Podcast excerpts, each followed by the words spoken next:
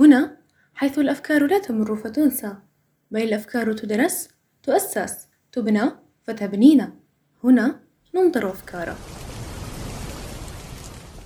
المرأة لباسها غطاء الرأس كيف يكون؟ الحجاب. هذا الموضوع اللي نقدر نقول عليه بين قوسين إنه موضوع شائك وحساس جدا. ولهذا قررنا أن نتناوله من عدة جوانب. هذه الحلقة عن الحجاب. راح تكون حلقة سابقة لأني ما راح نكون فيها وحدي. حلقة تجمع بين هتان يصف محبوبته فيقول لشد ما أنت جميلة يا حبيبتي لشد ما أنت جميلة. عيناك من وراء نقابك كحمامتين. غراس مع حنان. مباشرة راحوا قطعوا الأقمشة والألبسة اللي كانت عندهم وصنعوا منها حجاب واليوم الثاني لبسوا هذاك الحجاب وخرجوا به. ظرف زمان. فكان من بين الناس ناس متطفلين. يشوفوا من ويزيدوا من. ينظرون إلى نساء النبي صلى الله عليه وسلم. بودكاستي جزائري. ولو كان يروحوا يسقسوا عليها يقولوا ما شاء الله الله يبارك طفيلة عاقلة. تعرفوا أنتم هذا الأسلوب وأنا سمعته ماشي مرة ماشي زوج. وقطرة أمل. نخاف الحجاب يبيني رقيقة بزاف ولا نخاف الحجاب يبيني سمينة بزاف. ولا أنا قصيرة الحجاب نلبسو يزيد يبيني قصيرة أكثر. اجتمعنا اليوم باش نهضروا على كل جوانب الحجاب بداية من تاريخه مرورا بفلسفته وحكمته وتشريعه سردا لقصص عنه وتفصيلا فيه اجتماعيا ونفسيا وأبدأ هل تساءلت أو تساءلت يوما لما الحجاب؟ وقبل هذا لماذا نحن المسلمات؟ وهل كان لغيرنا أصلا؟ بعد بحث سريع يتبين أن الحجاب كان ظاهرة في إيران القديمة وبين اليهود وفي الهند كذلك وفي المجتمع الرومي والأوروبي. إذا توقفنا عن كتاب قصة الحضارة يقول صاحبه عن المرأة اليهودية كان في وسع الرجل أن يطلق زوجته إذا عصت أوامر الشريعة اليهودية بأن سارت أمام الناس عارية الرأس.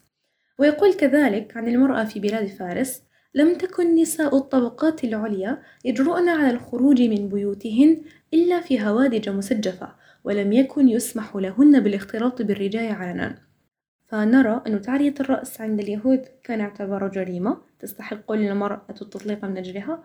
وما في بلاد فارس فكان يقتصر الحجاب على نساء الطبقات العليا فلم يكن يجرؤن على الخروج بغيره. أما الكاتب جوبيتو فيرى في كتابه ثلاثة أعوام في إيران أن الحجاب الساساني لم يكن مقتصرا على ستر المرأة بل إخفائها. وهذا يبين لنا شدة الحجاب وكيف كانت المرأة الساسانية تشتد في التستر حتى ظن أنها مخفية أو تريد التخفي. مواصلة عند اليهود جاء في سفر التكوين من ترجمة كتاب الحياة. ورفعت رفقة عينيها فرأت إسحاق فقفزت عن الجمل وقالت للخادم من هذا الرجل القادم في الحقل للقائنا؟ فقال الخادم هو سيدي. فأخذت الحجاب واحتجبت به. إذا رحنا شفنا الموسوعة الكتابية تترجم هذا فتقول أن الحجاب هو رداء كبير كان يستعمل في ذلك الزمان لتغطية الوجه أيضا.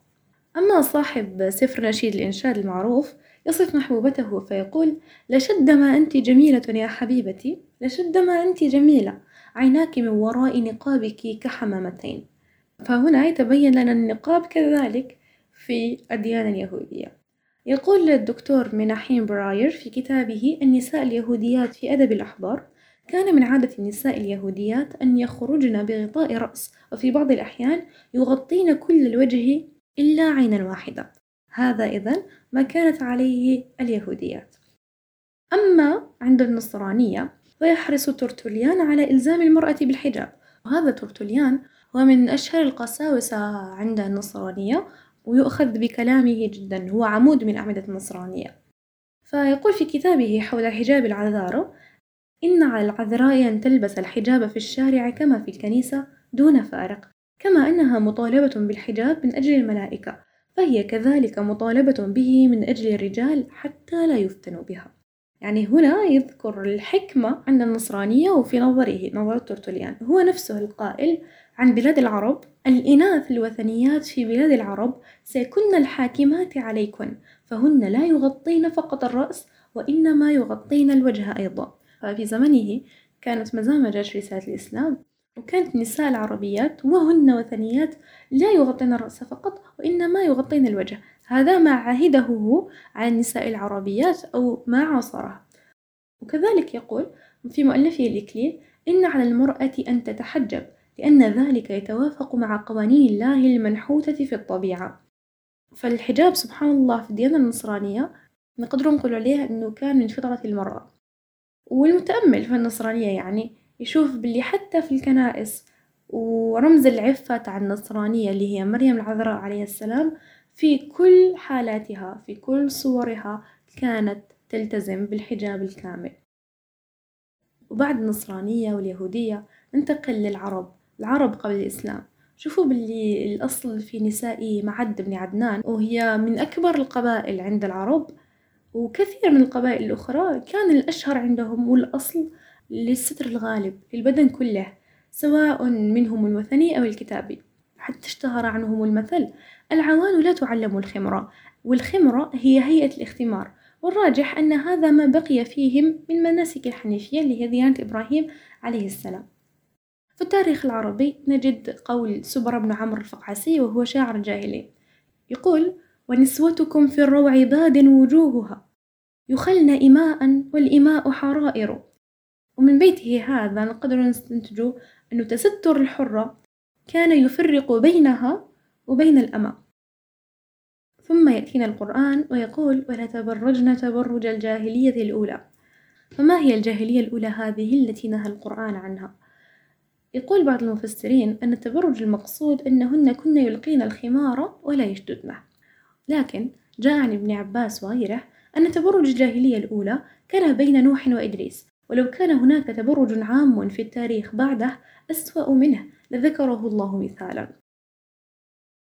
في الأخير نرى أن الثابت وجود الحجاب في العالم قبل الإسلام حتى فمنذ الخلقة الأولى كانت المرأة تتحجب لصونها صون عفتها وكذلك للمحافظة عليها والمحافظة على المجتمع عموما. ومن مروءة المرأة أن لا تفتن المجتمع بذاتها وبجسدها وتكون عامل صيانة وأمان لكل المجتمع. ولهذا جاء التشريع الإسلامي ليضمن كل هذه الأخلاق السامية يعززها أكثر وجاء بفرض الحجاب على النساء. وفي هذا سنفصل أكثر. إذا نحكوا على الجانب الشرعي فالله سبحانه عز وجل لما خلق الإنسان لعمارة هذه الأرض وباش يكون خليفة في هذه الأرض فرض عليه دستور يعني مجموعة من الأوامر أو القوانين أو اللي إحنا نسموها التشريعات اللي كي يتمشى عليها راح يكون من المفلحين بإذن الله تعالى. أولئك على هدى من ربهم وأولئك هم المفلحون. منها ما يختص به الرجل فقط مثل القوامة مثلا أو الصلاة في المسجد ومنها ما هو خاص بالمرأة والرجل يعني كلاهما مثلا بر الوالدين الصلاة الأمور هذه ومنها ما تختص به المرأة فقط. اللي هي الحجاب. فهذه نقطة البداية ونقطة الانطلاقة أن الحجاب أمر وفرض بمعنى تثاب الامرأة أو البنت اللي تديره يعني تدي أجر ورافع عبادة وتؤثم إذا تركتها أو إذا أخلت بأحد شروطه. يقول الله سبحانه عز وجل في سورة النور بعد بسم الله الرحمن الرحيم وقل للمؤمنات يغضضن من أبصارهن ويحفظن فروجهن ولا يبدين زينتهن إلا ما ظهر منها وليضربن بخمرهن على جيوبهن. ويقول الله تعالى في سورة الأحزاب بعد بسم الله الرحمن الرحيم يا أيها النبي قل لأزواجك وبناتك ونساء المؤمنين يدنين عليهن من جلابيبهن. ذلك أدنى أن يعرفن فلا يؤذين. وكان الله غفورا رحيما. لما نتأملوا هذه الآيات سبحان العظيم نشوف أنها تجمع جوانب عديدة. الجانب الشكلي. آه، الجانب الشكلي بمعنى وليضربن بخمورهن على جيوبهن وكذا. آه، الجانب اللي نجم نقولوا أنه نفسي وجسدي. ذلك أدنى أن يعرفن فلا يؤذين. بمعنى الأذية سواء الأذية بالنسبة يعني المرأة تكون أذية نفسية يعني آه، ما تحسش نفسها في أمان آه، ما تحسش بالثقة إلى غير ذلك. لكن العكس لما ترتدي الحجاب تحس أي امرأة ارتدت الحجاب الشرعي والكامل يعني كما نقولوا تقول لكم هذا الإحساس.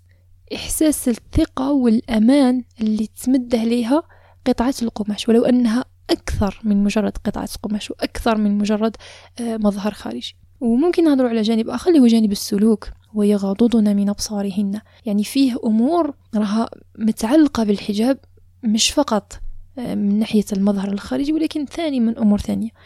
نجم نهضروا على بعض النقاط اللي مثلا اللي متعلقة بالحجاب واللي هي التقوى تقوى الله سبحانه عز وجل. يعني الإنسان آه، لما يكون تقي أن يجده الله فيما أمره وأن لا يجده فيما نهاه. وأن يتبع شريعة الله سبحانه عز وجل. هذا راه فيه امتثال لأوامر الله. وش, وش الأمر اللي خلى الصحابيات وزوجات النبي عليه الصلاة والسلام في الليلة اللي فرض أو نزلت فيها آيات آه، فرض الحجاب؟ ما يقولوش آه، حتى, حتى نقتنع.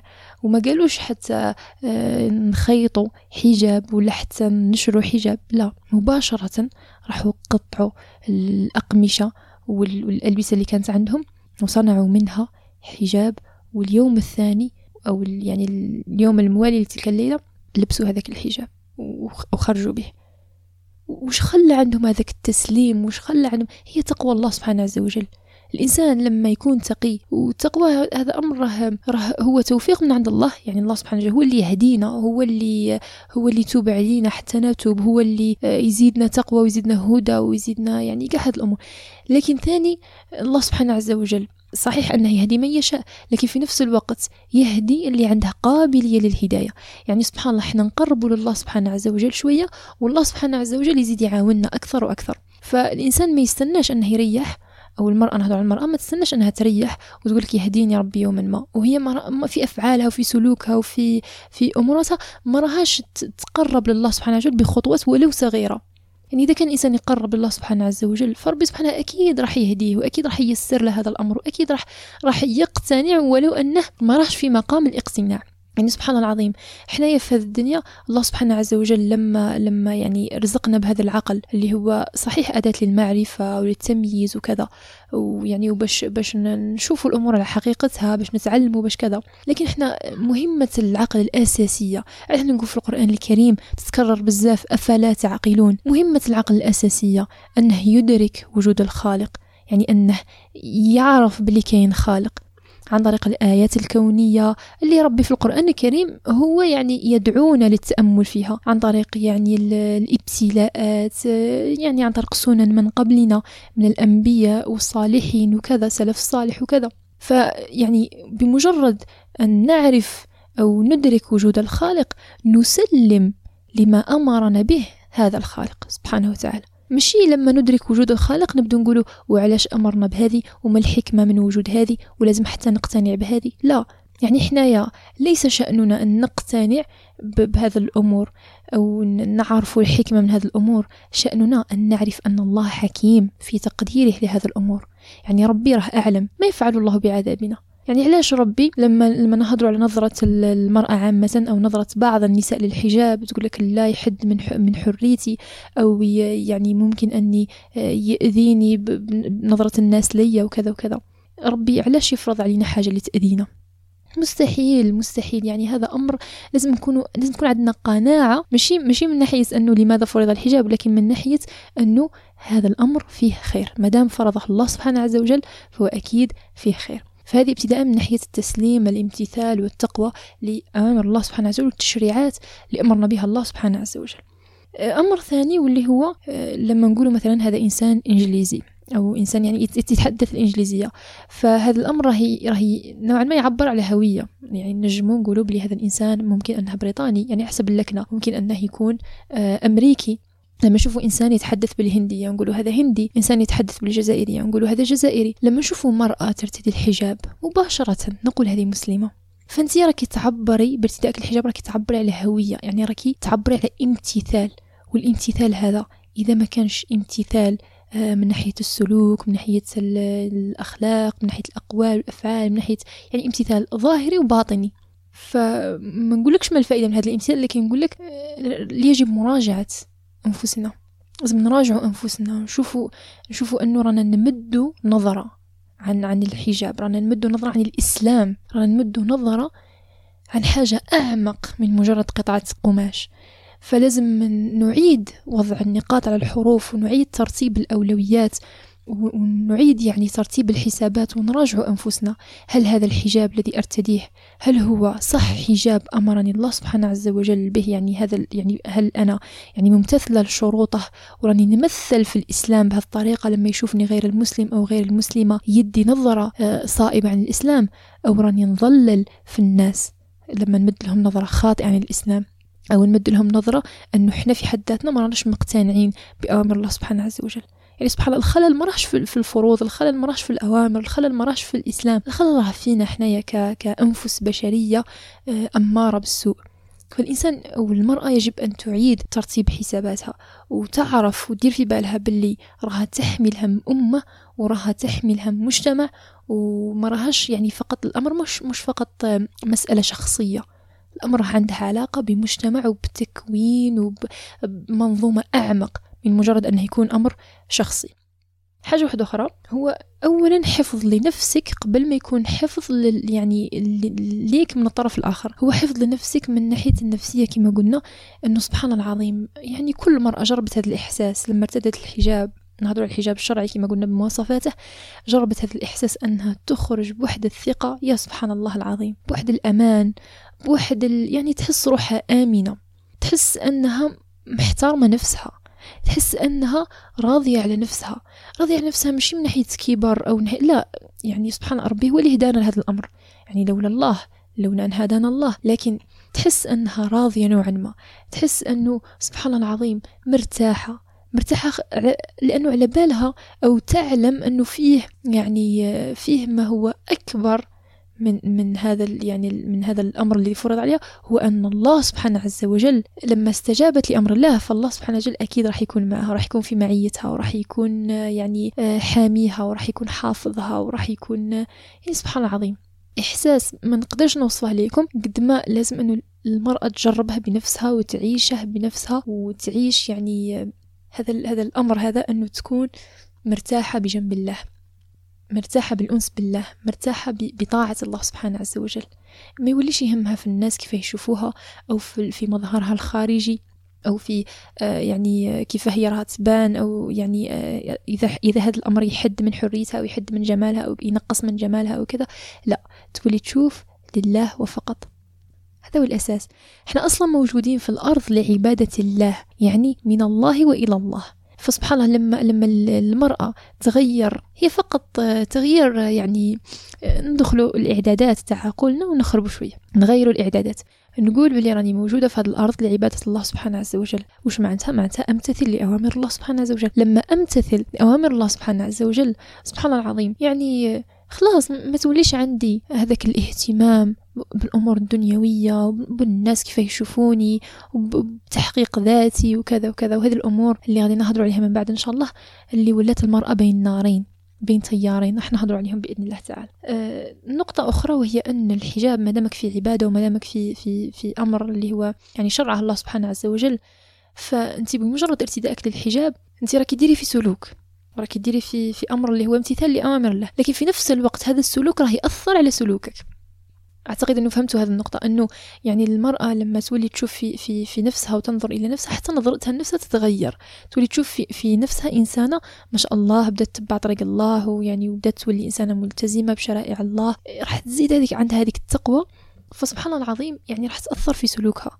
يعني إذا كانت تدير أمور ثانية مثلا راح تولي بشوية بشوية تنقص منها. تولي تقول كيف أنا راني لابسة حجاب شرعي وندير هذه الأمور؟ لا ما نديرش. ولو أني ما نبغيش تسمية الحجاب شرعي هو حجاب حجاب. يعني المفهوم الحجاب في الإسلام هو حجاب. ما كانش حجاب شرعي وحجاب غير شرعي لا هو كاين حجاب. وفقط. حجاب هو الذي يستر المرأة. يعني ما كانش هذاك حجاب شرعي وحجاب غير شرعي وخمار وكذا. هذه كلها مسميات فقط. لكن ما أمرنا به هو ستر البدن. وكما قلنا هذا أمر راه أعمق من مجرد كونه حاجة ظاهرية فقط. هو راه راه مايند يعني عقلية. عقلية في في كيفاه نتخلق وكيفاه نتمشى وكيفاه نهضر وكيفاه نتعامل وكيفاه نتعامل مع الطرف الآخر أو الجنس الآخر كيفاه نتعامل مع الناس كيفاه يكون يعني تصرفاتي وأنا أرتدي هذا الحجاب. تصرفاتي وأنا لا أرتدي الحجاب يعني بيني وبين نفسي. سبحان الله العظيم. وهذا الأمر راح ينقلنا للشروط. كما قلنا أن الإنسان لازم لم- لما يمتثل أوامر الله يمتثلها بشكل كلي يعني باش ما يخلش بأحد الشروط. ولو أنه فيه مجاهدة نفس وكذا عادي الإنسان خطأ والخير الخطاؤون التوابون وكذا لكن الإنسان لما يمتثل بالأمر يمتثل له بأمر كلي. مثلا الإنسان لما يترك الربا يترك الربا كله. لا يترك مثلا ربا ربا الفضل ويدير ربا النسيئة يترك جزء من من هذه الحاجة. لا الإنسان لما يمتثل لأمر الله يمتثلها أو يحاول أو يجاهد نفسه أنه يأتي بها كما أمر الله سبحانه عز وجل. ومن شروط هذا الحجاب اللي أمرنا الله سبحانه عز وجل به أول حاجة أنه لا يصف. يعني الحجابات اللي رانا نشوفه أو العباءات اللي رانا نشوف فيها أنها تكون يعني منطقة الخسر أو يعني تبرز يعني المفاتن وكذا هذا ليس بحجاب. الحجاب الأساس فيه أنه أو الأصل فيه أنه يكون فضفاض. يعني اللي يشوفك ما يميزش المفاتن تاعك. هذا الأمر الأول. الأمر الثاني أنه لا يشف. بمعنى اختار الألوان. إحنا مادام رانا في يعني في منطقة اللي آه، نوعا ما تبيح ارتداء الألوان على الأقل اختار الألوان اللي لا تشف. كاين بعض الألوان اللي تبين أو تظهر ما تلبسه المرأة من تحت فاحنا نقولوا أنه آه، أحاول أن أتقي الله في هذه النقطة وألبس ما لا يشف يعني ما يبينش وش كاين من تحت هذا الأمر الثاني. الأمر الثالث الا يكون زينة في حد ذاته. معناتها في حد ذاته إحنا إحنا أصلا المغزى اللي نقوله ولا أحد يعني الأمور اللي داخلة فيها الحجاب أنه آه، لا يجذب الانتباه. إحنا أصلا علاه نديرو الحجاب. باش ما باش ما نجذبوش لنا الأنظار. فإذا كنا نلبسوا حاجة اللي تجذب الأنظار هنا وقعنا في عكس ما ما نهينا عنه. هنا وقعنا في الأمر العكسي واللي هو راني نجذب الأنظار ليا وهذا الأمر راح يعرضني للأذية. رانا شفنا في الآية. ذلك أدنى أن يعرفن فلا يؤذين. سواء كانت الأذية هذه آه، أذية بالنظرة الناس تنظر لك نظرة مش مليحة يعني لما يشوفوك متبرجة ينظر لك نظرة مش مليحة ولا حتى الناس اللي تعجب بمظهرك هذا اللي لا يرضي الله سبحانه عز وجل. هذه هذا كل الناس هذه سواء أعجبت بمظهرك أو لا لن تملك لك ضرا ولا نفعا ولا تملك لك ضرا ولا نفعا عند الله سبحانه عز وجل آه، هل راح يضمن لك الجنة؟ أو هل راح آه، يقوك من عذاب النار؟ لا. الجواب هو لا. وهذه هذه الحقيقة يعني المرة والقاسية أن الناس لا تملك لنا ضرا ولا نفعا سواء عجبناهم ما عجبناهمش. نحن نمتثل لأوامر الله سبحانه عز وجل. يعني الله سبحانه عز وجل اللي أمرني بهذا الأمر واللي هو راح يجازيني في الأخير أو اللي هو راح يعاقبني إذا تركت هذا الأمر هو الذي أسعى. أني أرضيه وهو مالك الكون اللي أسعى أني نرضيه وهو اللي أساسا جيت باش نعبده فهو اللي نسعى أني نرضيه سبحانه عز وجل ماشي باش نرضي الناس. فإذا كانت الأذية مثلا بالنظرة أو إذا كانت الأذية قولا أو حتى فعلا كاين كاين نساء يعني سبحان العظيم لما يشوفوهم متبرجات يؤذوهم بالفعل مش فقط بالقول. فيعني هذا هو منبت الأمر أن الإنسان لا يجذب أو المرأة لا تجذب لها الأنظار. فهذه أحد شروط الحجاب أنه لا يكون زينة في حد ذاته. أمر ثاني هو أنه يكون يستر جميع البدن. مش معناها أني آه، أرتدي العباءة وفضفاضة وكذا ولا تصف ولا تشف وما تجذبش الأنظار وكذا وكذا. ومن بعد نروح نبين جزء من شعري أو نبين رجلي أعزكم الله. فلا لازم يستر جميع البدن يعني من الرأس إلى القدمين. وأمور ثانية اللي تخل ممكن أنها تخل بالحجاب مثلا أنها تخرج متعطرة يعني العطور أو مسحق التجميل. أنا قلنا أنه ولا تبدين زينتكن إلا ما ظهر منها. معناتها الإنسان راها تحاوس أنها ما تجذبش لها الأنظار فمشي دير الحجاب وتروح تبدي زينتها بطريقة ثانية وكأنها تحايل مع الله سبحانه عز وجل. لا ما لازمش نتحايلوا مع الله سبحانه عز وجل. أمر ثاني آه، أو أمر اللي ممكن أن نختم به هذه النقطة نقطة الشروط واللي هي آه، مثلا الحجاب أمام غير المحارم. يعني يحاول الإنسان أنه يجاهد نفسه في هذه النقطة أو يتقي الله سبحانه وتعالى في هذه النقطة ولا تبدي زينتها أمام غير المحارم. هذا ولد خالي وهذا ولد عمي وهذا وهذا يعني صديق العائلة. لا. يعني المحارم وف- وفقط. المحارم اللي نبدو أمامهم الزينة تاعنا غير ذلك لا نبدي زينتنا للأجانب. فقبيلة كنت ذكرت نقطة أنه المرأة راها واقعة بين تيارين أو بين آه نجم نقولوا بين نارين تيار التحرر وتيار التقليد. يعني نوعا ما فيه جهة تدفعها للتحرر. حققي ذاتك وال- والحجاب هذا أو أمور الدين ممكن أنها تعيقك ممكن أنها آه، ما تخليكش توصلي للي راكي باغية ممكن أنها تحد من حريتك تنقص من جمالك تنقص من قيمتك كامرأة تنقص من كذا من كذا من كذا. وما بين التيار الثاني أو يعني الجزء الثاني واللي هو تيار التقليد. هذاك التيار اللي يدفعها باش تقلد المرأة الغربية وباش تكون كيفها وباش تبرز جمالها وباش آه، كما قلنا تعمل وتنجح وتدير وتدير. فقط نذكر نقطة أن الحجاب أو أوامر الدين عامة أو التشريعات عامة عمرها وما جات باش تحد من من قدراتنا أو تنقص من قيمتنا أو بالعكس. نحن أعزة أعزنا الله سبحانه عز وجل بالإسلام خصوصا المرأة. كرمها الله سبحانه عز وجل. واللي تقول لي وين هذا التكريم؟ نقول لك يعني هذا التكريم راه واضح. بمجرد أنه تشوفي تشريعات اللي تخليك تحترمي نفسك وتخلي الطرف الآخر يحترمك رغما عنه. فهذا بالنسبة لي تكريم يعني ما نجمش نحكوا عليه أكثر من هذا الشيء. ما بالك الأمور الثانية من من أنه فرض القوام على الرجل ومن أنه عززها وكرمها في أمور كثيرة كثيرة وضمن لها حقها في أمور كثيرة. فهذا غسيل الدماغ وأنه الإنسانة تكون ما بين ما بين تيارين وكذا. كيفاه توطن روحها؟ كيفاه تبني روحها؟ كيفاه درك أنا كامرأة؟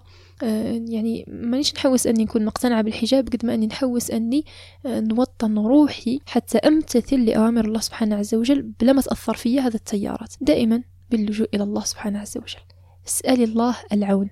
يا ربي عاوني يا ربي راني جاهد في روحي. آه، يا ربي وفقني باش أمتثل. والإنسان دائما يخطي الخطوة الأولى. هذه توفيق من عند الله أكيد. لكنه ثاني هو يعني يجتهد في في خطوة الخطوة الأولى. آه، خصوصا لما الإنسان يجد في نفسه أو المرأة تجد في نفسها هذه القابلية. يعني سبحان الله مرات تجينا نزعة تقولي درك نوض نصلي. يعني درك نوض نصلي مثلا قيام ولا نوضي. فلما تجيك هذيك النزعة إنك درك ندير حجاب نوضي ديري ديك الحاجة. ما تستنيش إنه يجي الشيطان ويبدأ يدخل لك والتيارات هذه وتهضرة الناس وكذا وكذا لأنه إذا ما نطيش في هذيك الدقيقة وإذا ما امتثلتيش في هذيك الدقيقة فراح تبقي دايما هكا حتى نقتنع وحتى ندير وحتى ندير. إنسان يمتثل لأمر الله. الأمر كما قلنا ما راحش عندها علاقة بالقناعة وكذا قد ما عندها آه، علاقة بأنه المرأة تمتثل لأمر الله. لأنه غدوة ولا من غد إن شاء الله إذا وافتك المنية. وهذا أمر يعني هذه سنة الحياة. يعني كلنا كلنا راح يجي يوما ما أو راح يجي يوم اللي توافينا المنية ونروح عند الله سبحانه يعني نلقى الله سبحانه عز وجل. فلما نلقى الله سبحانه عز وجل لما نحاسب ربي سبحانه ما راحش يحاسبك على آه، فلان ما غضش بصره ويعني كاين بعض النساء أو بعض يعني البنات اللي يقول لك علاش أنا مطالبة بالحجاب؟ بصح هو مطالب ثاني بأنه يغض بصرة. يا بنتي لا, لا تزر وازرة وزر أخرى. بمعنى أن كل إنسان يتحاسب على الأمور اللي فرضها عليه الله سبحانه عز وجل. الله سبحانه وتعالى فرض على كلا الجنسين غض البصر. كلا الجنسين حفظا لقلبيهما. كلا الجنسين فرض عليهم غض البصر. معناتها ما نجوش نحاسبوا إنسان اللي ما غضش بصره لكن بالمقابل حنايا ماناش ممتثلين اوامر الله سبحانه وتعالى يعني أنا ندير الحجاب والناس الأخرى اللي إذا ما غضتش بصرها راح تحاسب على هذا الأمر. يعني أنا لما أقف أمام الله سبحانه وتعالى ما حش يقول الله سبحانه عز وجل وعلاش وعلاش يعني الإنسان الآخر ما غضش بصره وأثر في حجابه وكذا. لا يحاسب هو على غض البصر وتحاسبين أنت على الحجاب. فهذا أمر راح نحاسب عليه أمام الله سبحانه عز وجل. فالله مني بلغت اللهم فاشهد والله يهدينا لما فيه خير لنا والله يهدينا باش نمتثل الأمور الله والله يهدينا ويجعلنا هداة مهديين. يعني هذا أكثر شيء أطلبه من الله سبحانه وتعالى هو الهداية والثبات. أمر ثاني أو أمر أخير اللي نختم به بإذن الله تعالى هو أنك بناء. أنت البناء لهذه الأمة.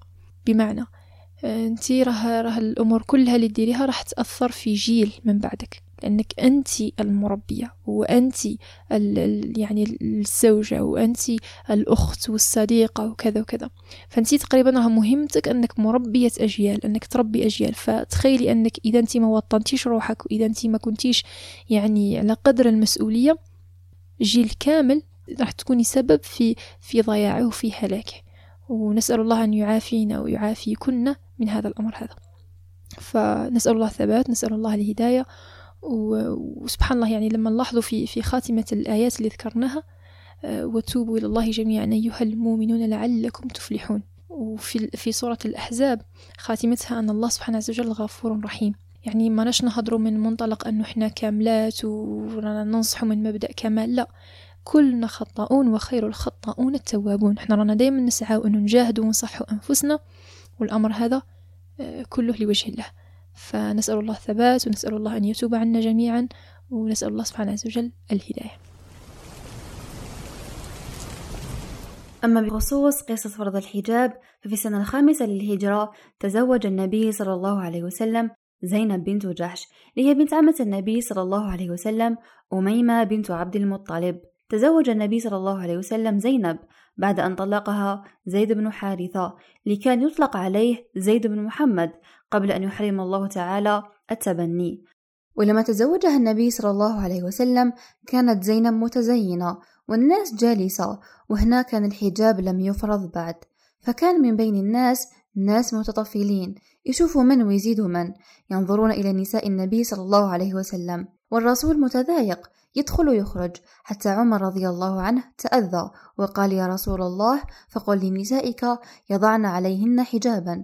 تقول عائشة رضي الله عنها حتى وضع الرسول ستار فغطى ما بين الناس وما بين نسائه صلى الله عليه وسلم فنزل قوله تعالى يا أيها الذين آمنوا لا تدخلوا بيوت النبي إلا أن يؤذن لكم إلى طعام غير ناظرين إناه ولكن إذا دعيتم فادخلوا فإذا طعمتم فانتشروا ولا مستأنسين لحديث إن ذلكم كان يؤذي النبي فيستحيي منكم والله لا يستحيي من الحق.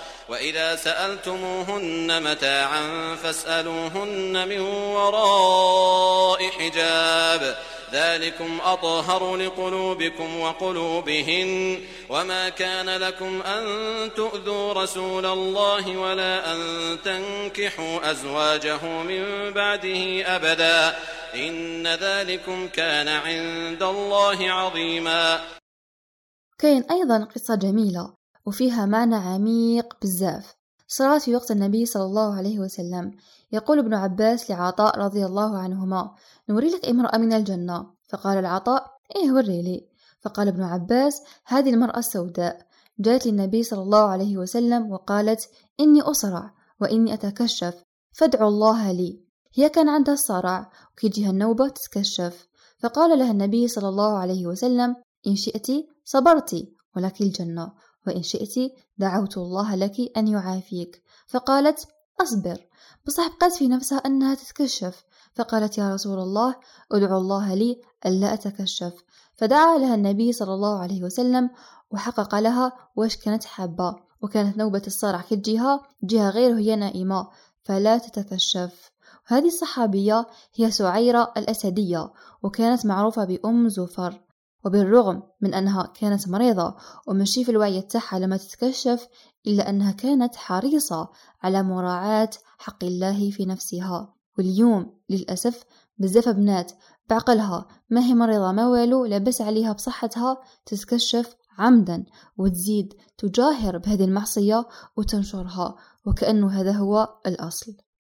وسبحان الله كشف العورة عنده علاقة بعقاب الله وهذا الأمر يخفى عن الكثيرين وبالخصوص البنات. وهذا ما جاء في قصة آدم وحواء عليهما السلام. يقول الله عز وجل يا بني آدم قد أنزلنا عليكم لباسا يواري سوآتكم وريشا ولباس التقوى ذلك خير. ذلك من آيات الله لعلهم يذكرون. فمن نعم الله على عباده أنه جعل لهم اللباس للستر وبالنسبة للمرأة جعل لها الحجاب تشريفا لها وحفظا.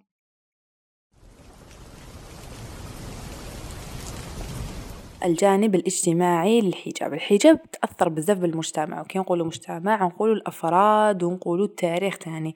يعني عبر الأزمان ماشي؟ يعني حاجات اللي تصنعوا في فترة زمنية قصيرة وإنما الوقت طويل. تم جرح الحجاب في عدة تفاصيل حين نذكروها اليوم.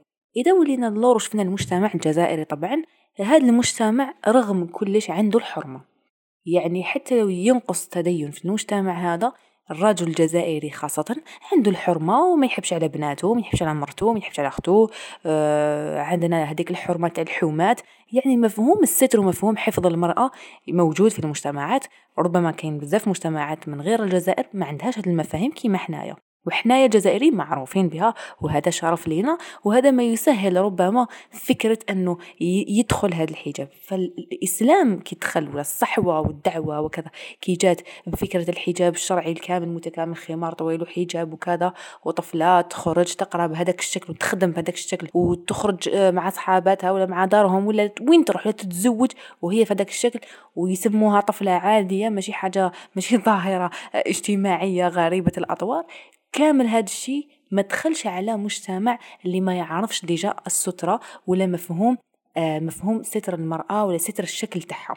فدخل على مجتمع déjà عنده آه متشرب من فكرة كيفاش يحمي شكل المرأة من من نظرات برا وكيفاش يحميها كذلك في عدة تفاصيل. لكن آه كدراسة هكا كنظرة ماشي دراسة يعني كنظرة شاملة وشوية معمقة. ندخلو نتغلغلو بالعقل بالعقل.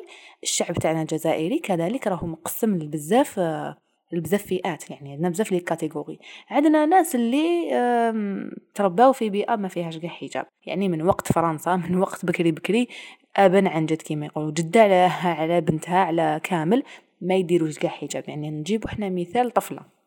ونشوفوا هاد الطفلة تربات في في دار كان زادت نهار الأول زادت فيه. يماها ما ديرش حجاب يعني تربات صغيرة ما تشوفش يماها دير خمار وتخرج. والتربية شيء أساسي راح نلجؤ لهذه النقطة. تربات في في بيئة تاني فيها إنه normal بزاف حاجات. مثلا وليد عم يماها يدخل عليها تسلم يماها على بزاف عباد. يعني كاين واحد النوع من التفتح كامل. ما شافتش الحجاب في دارهم. تربات على إنه ما كاش حجاب. كي خرجت لبرا ولا تقرا المسيد هذه شافت الحجاب. فوش تصنعت لها صورة في راسها إنه الحجاب هدايا يديروه شوية ناس. وعلى بالكم بلي الأسرة والعائلة تأثر بزاف وهي اللي تخلينا نحسو بالانتماء. فأنا مادام الانتماء تاعي ما فيهش حجاب فالحجاب هذا أصلا ما يكزيستيش في حياتي. هذه هذه وحدة من الظواهر الموجودة. وكاين اللي لا لا. هي مايش دايرة حجاب. وهذا فئة واحدة أخرى تربات في في في بيئة فيها وفيها يعني بالك يماها دير بصح ما ديرش حجاب كامل. يعني كيما نقولوا حنايا جماعة سروال وليكات آه، جيبو شوميزيي هادو هما الأشياء اللي تفاتف هكذايا ما راهمش عندهمش علاقة بالحجاب ونزيدوا لهم إنه يكون فيهم نوع من التطرف في في, في التصرفات في في الأمور الشرعية مثلا تخمس مع الرجال ما عندهاش مشكل في عدة تفاصيل. وزيد مثلا نقولوا إنه هذا الحجاب اللي راهي لابساتو آه، يروح من ذاك ويعاود يجيك شغل كي الهلال بكل صراحة يعني يروح ويجي. هذه هي الحقيقة أنه في البحر في العرس ولا يروح يطير هذا الخمار عادي ما حتى شعور بتأنيب ضمير فئة معروفة هذه وأعتقد إنه هذه شائعة بزاف. خاصة في الجامعة أنا كي طلعت الجامعة حسيت بلي إنه هذه الفئة بزاف منتشرة. كاين بزاف بنات بلا حجاب صح نشوفوهم بعينينا بصح اللي بالحجاب نص بزاف كتر يعني تشوفيهم تشوفيهم بشكل دائم.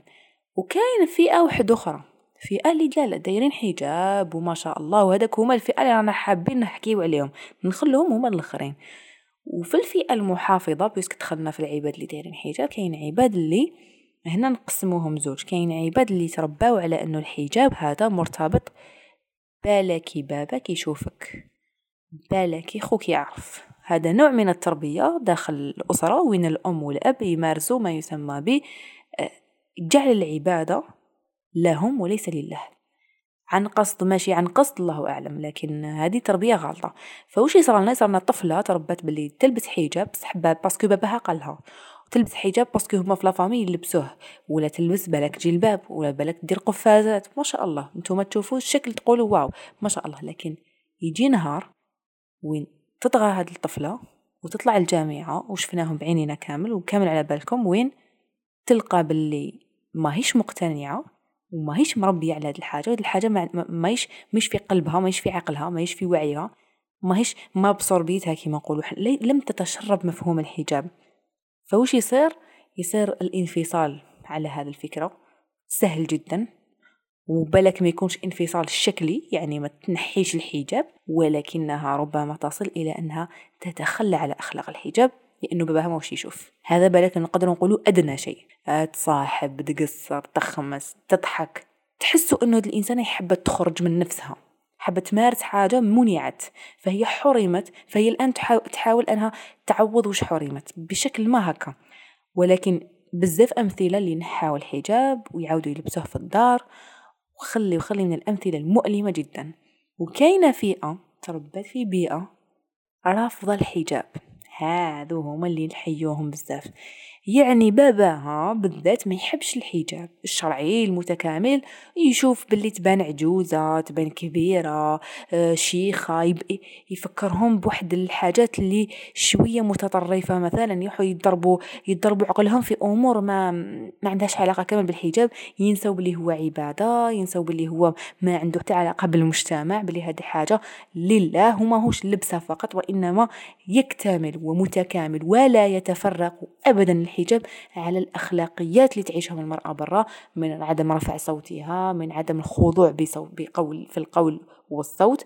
ما تميعش في صوتها ما تميعش في كلامها تعرف وين تمشي تعرف وين تروح تعرف كيفاش تهضر مع الأستاذ كيفاش تهضر مع الطالب اللي يقرأ معاها c'est pas تهضر معاه؟ ما تهضرش معاه. هالتفاصيل كامل مرتبطين بالحجاب فالأب ما يشوفش هالتفاصيل اللي هما بزاف ملاح في الحجاب وانما يشوف برك باللي بنته حتتغبن حتلبس حاجة آه، باش تشبه البنات باش كذا آه كي تصاحبي فلانة فنصيبوا بزاف بنات يجاهدوا وجاهدوا فعلا في والديهم وكاين اللي تصيبيها تتعب نفسيا بزاف وين تلحق إنها ديرو بلا ما يفيقوا وتشري بلا ما يعرفوا وين نسمعوا حكايات اللي شرات بلا ما فاقوا اللي كذا وبارك الله فيهم ربي يقدرهم لأنه صراحة في هذه النقطة نقدروا نقولوا عبارة واحدة سهلة نفهموا بها الموضوع.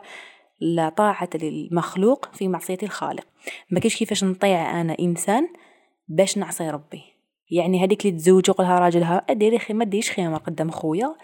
ما كاش طاعة الزوج هنا. يقول آه تنوضي اللفت تعيي روحك. هنا ما كاش طاعة. يقولها علاش هكا تلبسي هاد الحجاب؟ لبسي حاجة كول حاجة. ما كاش طاعة هنايا. ما مزوج يعني تخيلوا زوج اللي عنده آه عنده صلاحية الطاعة كبيرة ما نو باسكو خلاص. فات الحد تاع إنه حد هذا الرباني ما كاش يطلع فوقه سبحان الله. هاد الفئة كامل اللي حكينا عليهم دوكا هما اللي يش... يش...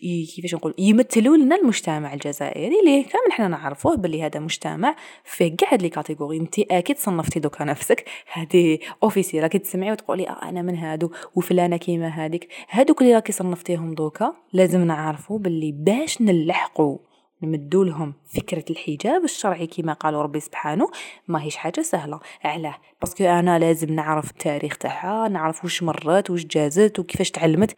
هنا نعاود نوليو نفكركم بلي قلت لكم بلي حنحكي لكم على اللي دايرين حجاب واللي هايلين قاع يعني المثال ال top للإسلام دعا له قبل ما نقول لكم عليه حبيت نقول لكم بلي المجتمع يتأثر بزاف بالحجاب علاه لأنه الحجاب هذا راهو شكل خارجي واخلاق كما رانا نقولوا من المقبل وهاد الحاجة راح راح دير كبت لشهوات في برا يعني يكون عندنا مجتمع ما فيهش الشهوات مترامية.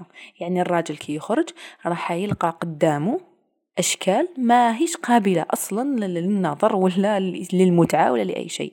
راح يجي يهدر مع المرأة يلقى باللي جاب روحها. يعني هذاك العيان قاع فيهم يعني السيء كامل فيهم ما وش حيقدر يدرنا لها راح يكون عندنا مجتمع بزاف بزاف متكامل. الراجل يخمم ويخدم ويركز ما يروحش يتحرش بالفتيات والطفلة ما دير حتى حاجة تدعو إلى ذلك التحرش. وهنا يظهر الإشكال الاجتماعي المعروف ب آه أنا ندير واش نحب وهما يتبلاو ولو كان يشوفوا وحدة بالجلباب يتبلاوها. ما يهمش. لأنك انت كتخرجي تطيعي ربي. وصراحة أنا عشت برا وخرجت بزاف وخرجت على الخمسة تاع الصباح ودخلت على السبعة تاع الليل والثمانية ونعرف وعندي صحاباتي ونعرف واش معناتها الزنقة. وبعينيا شفت أنه الحجاب الشرعي جدا محترم. هبطي راسك ما تشوفيه ما على بالك امشي قبالة عندك هدف حققيه ما تضحكي ما تطلعي صوتك والله واحد ما يخزر فيك ولا على بالو بك. واللي يخزر فيك ما كاينش تعرفي بلي يخزر فيك parce que ما كاينش تخزري فيه. فالمجتمع هذا السائد اللي راح يكون هو مجتمع بزاف راقي وبزاف niveau طالع. هذا هو المجتمع اللي حيصنعوا الحجاب الشرعي كي ديريه يا مدام معناتها انتيكي راح تكوني جزء من هذا الواو اللي نحكي لك عليها. شغل واو بزاف شغل حاجة بزاف هاربة. وإذا إحنا رانا منبهرين بالغرب الغرب هذا راهو يعاني من الأخلاقيات رانا نشوفوهم اليوم كلها بسبب الابتعاد عن طاعة الله. ربي سبحانه ما عطاناش أمور باش نديروهم بالعاني ولا زكارة ولا مش مش هكا نتعاملوا مع الدين. الأمور اللي كاينة في الدين الفرائض اللي كاينة في الدين علاش فرض؟ علاش لازم؟ لأنها تخلي الإنسان نفسيا اجتماعيا كلش سياسيا اقتصاديا تؤثر بزاف. وتصنع من الفرد أسرة ومن الأسرة مجتمع ومن المجتمع تصنع دول ودولة قوية كما كانوا في وقت الأندلس وفي الأوقات الماضية. كانت المرأة تحافظ على نفسها والرجل يحافظ على نفسه وأفونسا ولاتين بالقراية مش لاتين بالحب واللباس والمكياج. تولي المرأة تنوض الصباح تغسل وجهها خمار طويل. أغلقيه هبط حجاب عريض ما تكسريش كاع راسك. باسكيتك أغلقي ما تخليش رجليك يبانوا انطلقي. ما عندك مكياج ما عندك مانيكير ما عندك ما عندك والو. تولي للدار الشعور الجميل. أطلقي نفسك وصراحك. لبسي البيجامة الشابة ولبسي واش تحبي وهنا ما حتى منع هنا ما كاش كبت. الإسلام لم يكبت ولم يطلق الصراحة. الإسلام وضع حدود. لما تتزوج دير واش تحب. لما برا ها واش لازم دير. تك تك تك. سهلة مهلة. وشنو هي الصورة الشابة اللي نحكيو عليها تاع المتحجبة هي أنها تخرج تنوض صباح تلبس حجاب خمار طويل يغطيها كدا من هنا كيما راكم فاهمين وعارفين. تخرج تقرأ تركز في قرايتها ولا في خدمتها ولا وين رايحة تقصد في مشيها ماشي ني خارجة نطورس تعرفوا وين تروح مع من تروح في الجامعة عارفين وين تقعدي كيفاش تقعد مش تروحي بلاصة عيانة وما تقولي شتيت بلاو كامل ما تروحي بلاصة مسقمة. هذا هذا التصرف اللي راح يأثر بزاف. تولي كتجوزي على حومتك صدقوني المجتمع مهما كان يحب بزاف هذا النوع. إحنا ما أكيد لن نسعى إلى إرضاء المجتمع لكن إذا حبينا مجتمع مليح نشوفوا اسكو هذا المجتمع يقبل هذا المليح. المجتمع تاعنا يقبل بزاف ويحب ويشجع فكرة هذيك الطفلة الحشامة اللي تحافظ على نفسها ولو كان يروحوا يسقسوا عليها يقولوا ما شاء الله الله يبارك طفيلة عاقلة. وتعرفوا أنتم هذا الأسلوب وأنا سمعته ماشي مرة ماشي زوج. فهنا رانا عرفنا باللي حنايا كمجتمع راقي بزاف وسهل بزاف ديري فيه حجاب شرعي عكس واش راكي معتقدة. إنه لا لا كاين اللي يرفضوا كاين اللي كذا بالعكس حنا مجتمع بزاف بزاف عنده الحرمة وبزاف عنده هذه الفكرة تاع إنه تحافظ على نفسك. فاللي ما صابتش كيفاش تقنع والديها بالحجاب ولا كيفاش تقنع نفسها وعدي في كلمة قناعة هذه راي شوية عميقة يعني لازم تتناقش مع العقل, العقل لازم تتناقش مليح. إذا ما قدرتيش تفهمي واش معناتها تلبسي حجاب شرعي ومر ما تسمعي هذا البودكاست خلاص حبسي يا لبسي روحي ديري الحجاب الطويل تاعك بركة ما تتمسخري خلاص الدنيا هذه فانية لازم نروح حنا للجنة رانا هنايا غير نسعاو باش تلحقي لهذا المستوى لازم الإيمان بالله عز وجل والتجرد من الناس وش تقول عليا. بصح دوك يقولوا دوك يديروا دوك ما يخطبونيش دوك ما يعملوش دوك كدا دوك كدا. هنا الناس راهم كتعبدي في الناس. وإرضاء الناس غاية لا تدرك. ما يقدرش الإنسان يرضي الناس كامل. ولازم يرضي ربي. وفي النهاية وش نقولوا؟ مهما كنتي les catégories كاع اللي ذكرناهم مهما كنتي فيهم أعرفي بلي انت تقدري ديري حجاب مهما كانت الأسرة تاعك مهما كان المحيط تاعك surtout الطفلة يعني تقعد تتربى في هذاك البيئة المتوترة ومن بعد تتزوج ودير رايها وتلبس آه، واش تحب تخير الزوج هذاك اللي يوافق على الحجاب الشرعي bien sûr وبالعكس يشجعها عليه وماشي كيما رانا دوكا. حبيت نقطة واحدة في الآخر نذكرها مادام حكينا على مجتمع لازم نحكيو على مواقع التواصل الاجتماعي. لأنها ولات تشكل جزء بزاف كبير من ثقافة المجتمع من آرائه. إحنا ما راناش مجتمع اللي يقبل آه يقبل نزع الحجاب. نحن مجتمع يرفض تماما. وكل المجتمعات وكل الفئات اللي حكينا عليهم دوكا باللي موالفين بالحجاب باللي ماشي موالفين به باللي اللي يلبسوه باللي ما يلبسوهش ما كاش جزائري حر يقبل خلع الحجاب علنا هذه نرفضوها رفضا تاما بقلبنا ولساننا وكل شيء. وكل وحدة راهي تنحي في الحجاب راهي دير في ضيقه في المجتمع حتتحملها هي يوم القيامة. حجابك سيداتي يسد ثغرا. من ثغرات هذا المجتمع. يعني انت راك تنقصي علينا في الهم. هذه هي بالجزيريه والحجاب تاعك يا سيداتي راهو عبادة. بلاك تقوليني لابساتو وخلاص. تلبسيه وكي تدي في الأجر. سبحان الله. تخرجي لابساتو وتدي أجر. واو. عجبني الدين هذا. عجبني. هذا الإسلام هذا طالع. هارب. المجتمع تاعنا ندعيو له بالخير وإن شاء الله تصلح الأحوال. وإن شاء الله مهما كانت الحالات تقدري ديري حجاب. ماشي حاجة اللي تمنعك. ونتلاقاو ساعة الخير. معكم أمل وفي الجزئية هذه رانا راح نهضروا على الحجاب والنفسية. وراح نركزوا بصورة أساسية على آه، صورة الجسد تاع الفتاة المحجبة واللي اللي راح تدير حجاب وقبل ما نبدأ نهضر حبيت نبدأ دي كلامي بتجربة لأن التجربة خير برهان أنا الحجاب بالنسبة لي كان يمثل بوصلتي. كنت نشوفه هويتي فكلما يعني قصرت في شيء معين أو درت ذنب معين الحجاب كان هو الحاجة اللي تفطرني وتفيقني وتخليني نستغفر يعني كأنه هو الحاجة اللي كانت دايرت ليها كرقابة. ولأنه كان بوصلتي فكان عنده أثر كبير والإيجابي على نفسيتي ولا على راحتي النفسية. على سبيل المثال نظرتي لنفسي وشكلي تغيرت ولا فيها نوع من القبول والرضا. يعني مع الأول ما كانش عندي هكا قبول ورضا إنما مع الوقت كسبت هذاك القبول والرضا ومس العديد والعديد من جوانب حياتي. نقطة أخرى أني كي تكون تمشي في طريق تكون تمشي مرتاحة ما بعيش على بصح كاين واحد الراحة هكا نفسية وانتي تمشي بالحجاب. شتي كما يقولك بلي تحسي روحك هكا ملكة صح شعور إنك ديري حجاب شرعي تحسي روحك مرتاحة. ما بيش هذه الراحة هل هي من الحجاب نفسه ولا ربي سبحان الله يبعث لك هذيك الراحة. حاجة واحدة أخرى هي يعني مرتبطة بالنقطة اللي قبلها. إنه كاين واحد الشعور إنك إنه عملك هذا ولا سلوكك هذا هو طاعة لله عز وجل.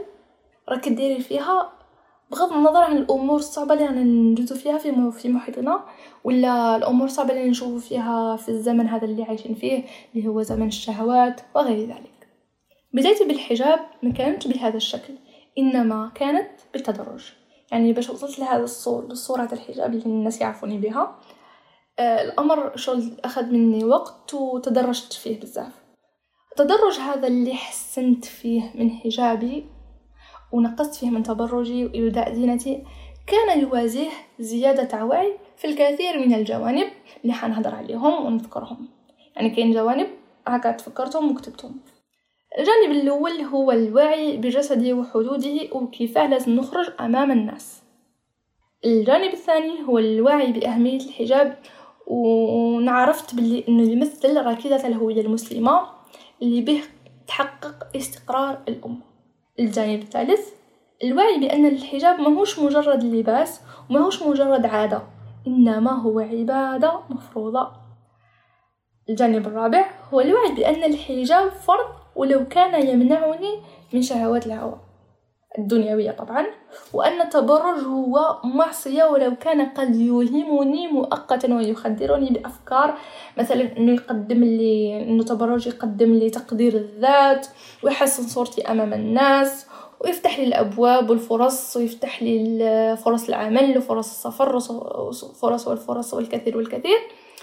ويحسن علاقاتي الاجتماعية ولو كان تلاحظوا آه، كان نهضر على التبرج الحجاب والتبرج تشوفوا إنه الحجاب أجره وتأثيره في الدنيا والآخرة. إنما التبرج فهو دنيوي البحث ويعبد شهوة الهوى فقط. مجرد مخدر مؤقت فقط. إنه الانسان يدير بعض الأمور الشهوانية أو إلى غير ذلك. واخر نقطة في النقاط اللي زادت في الوعي تاعي ومنها حسنت من حجابي هو نقطة تاع إنه الحجاب هو أمر من الله عز وجل وطاعة حتى ولو وإذا لم ندرك الحكمة منه يعني مش لازم ندرك. علاه لازم تحجبه وعلاه كذا وكذا خلاص الحجاب فرض مفروض آه نديرو بغض النظر إن مش لازم نعرف الحكمة منه رغم إنه الحكم الحكمة من الحجاب واضحة وجلية لمن بحثت ونظن أنه النقاط اللي هدرتها تكون استنتجتوا الحكمة بعض الحكم من الحجاب وهذا الشيء العظيم وحده يعني طاعة الله عز وجل كفيل أنه يمحي كامل الأفكار التي تعيقنا على ارتداء ارتداء الحجاب يعني هذا التفكير أنه هذه عبادة هذه طاعة راح تمحي كامل الأفكار الشاذة واللي تعيقنا باش أننا نلبس الحجاب واللي من بينها آه، صورة الجسد بالحجاب. وصلنا يعني للموضوع المهم. بلا ما ندخل يعني في تفاصيل التعريفات الأكاديمية ونهضروا على وشنو هي صورة الجسد. صورة الجسد باختصار هي الإنسان كيفاش يشوف شكله وكيفاش يشوف الجسد تاعو. نفرض مثلا إنسان جميل الشكل بأي معايير من المعايير. والناس كامل تشوفوا أنه هو إنسان جميل جدا في وجهه. وتقول له أنت جميل وتشكره وكذا كذا لكن هو كيشوف نفسه في المراية يشوف عكس الصورة اللي الناس تقولها له. يشوف روحه بشع ولا يشوف روحه سمين ولا يشوف روحه رقيق ولا أي كانت من هذه الأمور. هذه الحاجة اسمها آه، في علم النفس تشوه صورة الجسد. وهو اضطراب يعني حبيت نهضر لكم على هذه النقطة اللي حبت مثلا إنها آه، تبحث عليها أكثر. يعني الأمر إذا زاد عن حده آه، فممكن إنه يدخل في اضطراب تشوه صورة الجسد. حاجة أخرى اللي حبيت نهضر عليها إنه مشكلة تاع صورة الجسد تواجه الكثير من الفتيات. أكثر الأسئلة اللي توصلني في الإنستغرام كنت تقصي مثلا البنات على الحجاب ونهضروا هذا الموضوع. تقول لي أمل حبيت ندير الحجاب ولكن وبعد لكن هذيك دائما تكون كاينة أمور متعلقة بالصورة تاع الجسد ولا الفتاة كيفاش تشوف نفسها. مثلا تقول لي أمل أني حابة ندير الحجاب ولكن نخاف الحجاب يبيني رقيقة بزاف. ولا نخاف الحجاب يبيني سمينه بزاف. ولا أنا قصيرة الحجاب بلكن نلبسو يزيد يبيني قصيره أكثر ولا أنا طويلة الحجاب ما يجينيش الشباب ولا ولا ولا ولا. وكاين بزاف مثلا ما فكرة تاع منتشرة بزاف إنه آه الحجاب آه، يبيني يبيني كبيرة. آه الحجاب يبيني كبيرة هذه عفسان من أحد الأمور اللي ياذونا اللي يأذونا بها اللي يأذونا بها الناس. آه اللي ماشي دايرين حجاب كيشوفوا الناس آه، دايرين حجاب يقول لهم آه وليتي تبان كبيرة وليتي تبان عجوزه والبنات ولاو يتأثروا صح بهذا الكلام وكاين منهم حتى اللي تلحق باش إنها تنزع الحجاب. ف فكاين العديد من النقاط. مثلا أيضا نقطة أخرى حبيت نضيفها. حبيت نمد بزاف أمثلة باش كل وحده عندها هكا مشكلة هكا نلمكم كامل. آه نقول لي مثلا أنايا ما نقدرش نخرج من الدار بلا مكياج مستحيل الحجاب ما, يجيش مع هذا النوع من التبرج والمكياج وكامل عزيزاتي قبل ما ننتقل للنقطة ونناقش الحل وكذا حبيت نهضروا على واحد النقطة اللي هي مسلمة إنه الحجاب فرض خلاص فرض يعني ما فيش نقاش نقطة لا غبار عليها. وما نقدروش أن نبدلو الحجاب ونبدلو المعايير تاعو باه يتلائم مع كل وحدة. وهذه للأسف بعض الناس ولاو يديروها اللي ولات هي موضه الحجاب. كل وحدة تبدل في الحجاب بالأمر بال بالأمر اللي بالمعايير اللي توالمها. ف يعني عندها دير الحزام واللي هكا والخمار يندار هكا وكامل الأمور اللي داخلة في في الموضوع تاع الحجاب للأسف. وهذا مش موضوعنا اليوم. آه إنما ماهيش هي هذه هي المشكلة؟ المشكلة إنه ال... ولا الحل تاع المشكلة إنه المسلمة تخدم على نفسها في النقطة تاع هي كيفاش تشوف روحها. يعني تخدم على صورة جسدها. أنا هذا هو لباسي هذا هو هويتي هذا هو اللي نعتز به. شكلي ماهوش مهم. أنا فقط هنايا راني حندير ونطبق أمر أمرني به الله عز وجل. بغض النظر على أنا كيفاش نشوف روحي وإذا كنت نشوف روحي بصورة سيئة نحسن أنا صورت نفسي. نحسن نخدم على آه نخدم على الرضا النفسي نخدم على هذه الأمور. وندير الحجاب. ندير الحجاب ونحاول أني نلتزم به ونجاهد نفسي إلى غير ذلك. والأمور هذه المبررات نخلوها آه بجانب. المبررات اللي هدرنا عليهم أنا نشوفها أنها مجرد سلوك تجنبي. يعني الطفلة تديرهم باش أنها تتجنب مثلا مثلا تتجنب أنها ترتدي الحجاب. ومن جهة أخرى نشوفوا إنه إنه الشيطان هو يوسوس لنا لأنه يجيه مدخل سهل إنه يستدرج الفتيات على الجيل.